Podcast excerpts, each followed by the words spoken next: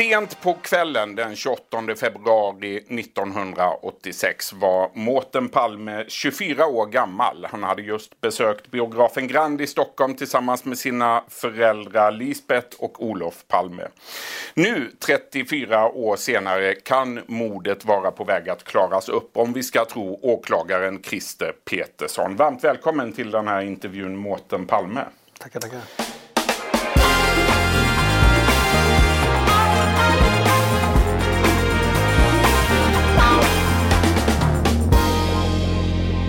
Säger du Mårten om eh, de besked vi nu får ifrån åklagaren Christer Petersson? Hur reagerade du när du fick höra honom säga att vi kan vara på väg att klara upp mordet på din pappa? Eh, nej, men det är ju såklart glädjande och överraskande. Jag, vi, var inte, vi hade inte på något sätt fått några förhandsinformationer om det här. Men eh, det, är, ja, men det är ju bra liksom att de har, tror sig ha fått sådana informationer så att de kan säkert säga vem som är mördaren så att säga och vad bakgrunden till mordet är. Blir du överraskad över att det här kommer nu? Uh, ja, det måste jag säga. Mm. Uh, har det förekommit några kontakter mellan familjen och åklagaren? Har ni fått någon information på senare år om hur arbetet går med utredningen? Nej, kan man inte säga. Vad tänker du om det? Nej, men alltså jag eh, tycker att det är... Jag respekterar det. För mm. att, eh, jag menar, det är ju väldigt angeläget att de klarar upp det. Och jag förstår att de vill hålla det hemligt så att säga. Vad skulle det betyda för dig och för familjen om polisen kan presentera säkra bevis på vem mördaren är? Ja, det vet jag inte. Inte något konkret men det är klart att det är Eh, naturligtvis är det ju en vill man ju veta så att säga bakgrunden. Mm. Men, mm. Eh, det har talats mycket om den här så kallade Skandiamannen på senare år, Stig Engström. Han har tidigare varit aktuell i Palmeutredningen men han avskrevs i ett tidigt skede. Vad tänker du om det idag, att han avskrevs? Alltså det, att han avskrevs så tidigt eh, i det första skedet så att säga. Ja det var ju ett, måste man väl säga var ett misstag. Mm. Det har pratats mycket i den här utredningen genom åren om alla misstag som polisen har begått och misstag som har begåtts i utredningen. Vilka misstag tycker du har varit allvarligast? Ja, det vet jag inte riktigt. Eh, nej men det, alltså, det är så många andra som har påpekat de där misstagen. Men det är klart att man kan väl också framhålla att det ändå har skett mycket bra polisarbete i den här utredningen också. Jag menar det är en enormt stor eh, utredning och eh, det är naturligtvis väldigt svårt med sådana här eh, så kallade spaningsmord och eh, uppklarningsprocenten är ju så obetingat väldigt låg. Eh, och eh, i den här utbildningen kan man ju säga att de har, jag menar, de har ju kommit väldigt långt i många olika avseenden. Och eh, materialet är ju väldigt omfattande. Mm. Så att det finns en tendens att man bara framhåller de negativa sakerna, misstagen. Men det finns också exempel på bra polisarbete. Tycker, jag. tycker du att det har varit för mycket fokus rent av på det som har varit dåligt i Palmeutredningen? Eh, ja, det kan man väl säga. Ja, det tycker jag. Och eh, framförallt personer i media som har framhållit eh, stora misstag. Men media själva har inte bidragit till någon större klarhet heller, tycker jag. Vad är det för klarhet du har väntat på genom alla dessa år? Alltså det är ju konklusiva bevis såklart för eh, vem som är gärningsman.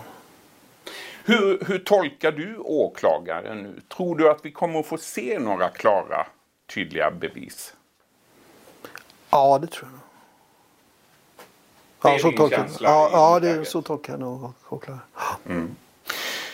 Din eh, mamma, hon eh, eh dog hösten 2018. Eh, det har uppgetts att hon var kallad till ett nytt förhör. Men det förhöret blev aldrig av för att åklagaren blev sjuk. Ja, just det. Vet du vad hon hade tänkt säga?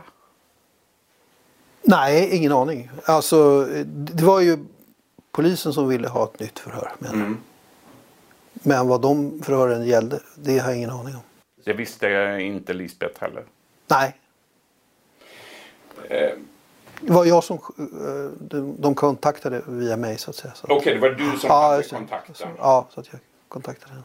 Vad var det du fick veta då? Var det bara att Christer Petersson och utredningsgruppen ville, ville hålla ett nytt förhör med din mor? Ja, det var det faktiskt. Inget annat? Nej. Din mamma var ju i alla De sa i och för sig att de, de hade ett nytt spår på gång. Men att de inte ville säga vad det var. Vad det innehöll. Så att säga. När skedde det samtalet? När fick du det samtalet? Eh, det var hösten 2017. Ett år eh, innan din mamma gick bort. Ja, just det. Precis. Hon var ju, Lisbeth, sedan tidigare säker på att gärningsmannen var Christer Pettersson. Ja. Vad tänker du om det idag? Nej men alltså hon var, det kan jag eh, intyga att hon var liksom säker på det ända in, in till sin död. Så att, eh, fanns ingen tvekan överhuvudtaget från hennes sida. nej, alltså jag tog inte upp det särskilt ofta. Hur mycket har ni överhuvudtaget i familjen pratat om det som hände 1986? Nej, egentligen inte så mycket. Men eh, det kommer ju upp någon gång. Men Har det varit svårt hon, hon att ändrade prata sig om? aldrig om... om nej, det tycker jag kanske inte. Men det har ju inte eh, eh, funnits så, så mycket anledning att ta upp det. Nej. kan jag tycka. Eh, avslutningsvis tillbaka till den här Skandiamannen Stig Engström. För du har sagt att den man som du såg utanför biografen Grand den där kvällen 1986. Att han var lik Skandiamannen Stig Engström. Ja, det kan jag tycka. Ja, Det tycker du? ja, ja. Vad tänker du om att mördaren kanske är död idag? Om mördaren är Skandiamannen så är han ju död idag. Och då kommer en domstol aldrig att pröva skuldfrågan. Det kommer aldrig att utdömas något straff. Vad känner du inför det? Nej, det är klart att det hade varit mycket bättre om, om eh, han hade dömts. Det hade varit ett... Eh, och... Eh, eh, såklart. Men nu är det som det är. Nu är det som det är. Stort tack för den här intervjun, Mårten Palme. Tackar. Tack. Du har lyssnat på en podcast från Expressen. Ansvarig utgivare är Klas Granström. Ett poddtips från Podplay. I fallen jag aldrig glömmer djupdyker Hasse Aro i arbetet bakom några av Sveriges mest uppseendeväckande brottsutredningar. Går vi in med hemlig telefonavlyssning och, och då upplever vi att vi får en total förändring av hans beteende. Vad är det som händer nu? Vem är det som läcker? Och så säger han att jag är kriminell, jag har varit kriminell i hela mitt liv men att mörda ett barn, där går min gräns. Nya säsongen av Fallen jag aldrig glömmer på Podplay.